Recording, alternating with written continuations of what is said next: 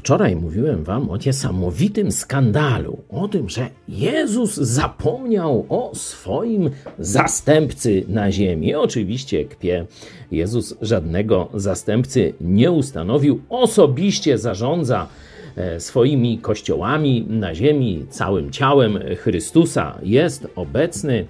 Tam, gdzie dwóch lub trzech zgromadzi się w imię moje, tam jest y, On, tak powiedział, tam jestem pośród nich, czyli Jezus jest pośród każdego zgromadzenia e, chrześcijan, które w imieniu Jezusa się e, spotyka. Nie potrzeba żadnego tu zastępcy e, na ziemi w postaci ludzkiej.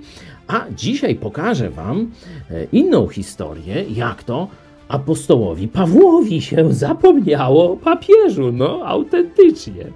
Otwórzcie sobie tym razem dzieje apostolskie. Paweł żegna się z przywódcami jednego z kościołów, konkretnie kościoła w Efezie, z pastorami starszymi tego kościoła, no i uprzedza ich, że w późniejszych czasach e, powstaną mężowie mówiący rzeczy przewrotne, aby uczniów pociągnąć za sobą, przeto czuwajcie i tak dalej, czyli mówi o problemach, o podziałach, o fałszywych jakichś nauczycielach, o herezjach w kościele.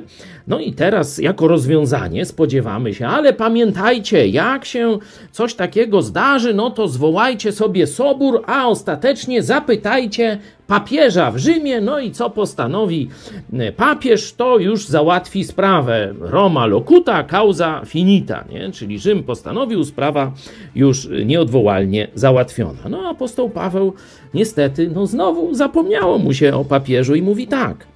A teraz poruczam was Panu i słowu łaski Jego, które ma moc zbudować i dać wam dziedzictwo między wszystkimi uświęconymi. Zobaczcie, bezpośrednio Kościół powierza Jezusowi i Biblii, Słowu Boga. To wystarczy. Papież to ludzki wymysł. Nie tylko, że niepotrzebny, ale jak widzimy z historii, bardzo, bardzo szkodliwy.